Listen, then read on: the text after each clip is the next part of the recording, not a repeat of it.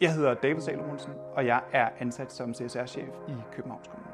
På den ene side der oplever vi, øh, at rigtig mange virksomheder har svært ved at rekruttere faglært arbejdskraft på IT-området. Og på den anden side der oplever vi, at der er rigtig mange IT-elever i skolepraktik. Og det paradoks kunne vi godt tænke os at gøre noget ved. Og derfor har vi i Københavns Kommune besluttet at bruge uddannelsesklausuler i alle de kontrakter, vi indgår med leverandører på IT-området.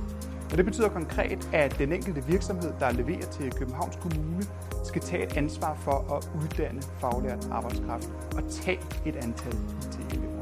Samtidig så har vi indgået en samarbejdsaftale med Tech, sådan så de virksomheder, der bliver stillet over for et krav om at uddanne IT-elever, de også får etableret en kontakt til Tech, hvor de får den hjælp og den rådgivning, der skal til i forbindelse med forløbet. Jeg hedder Christian Langgaard, og jeg er ansvarlig for IT-support i PPC. I PPC ser vi det som en samfundspligt at hjælpe med at udvikle og uddanne medarbejdere. Det med at udvikle og uddanne arbejdskraft er en vigtig del af vores DNA. Vi kan ikke forvente, at vi kan gå ud og ansætte dygtige medarbejdere, hvis vi ikke selv er med til at uddanne dem. PPC har uddannet mere end 30 IT-supporter-elever.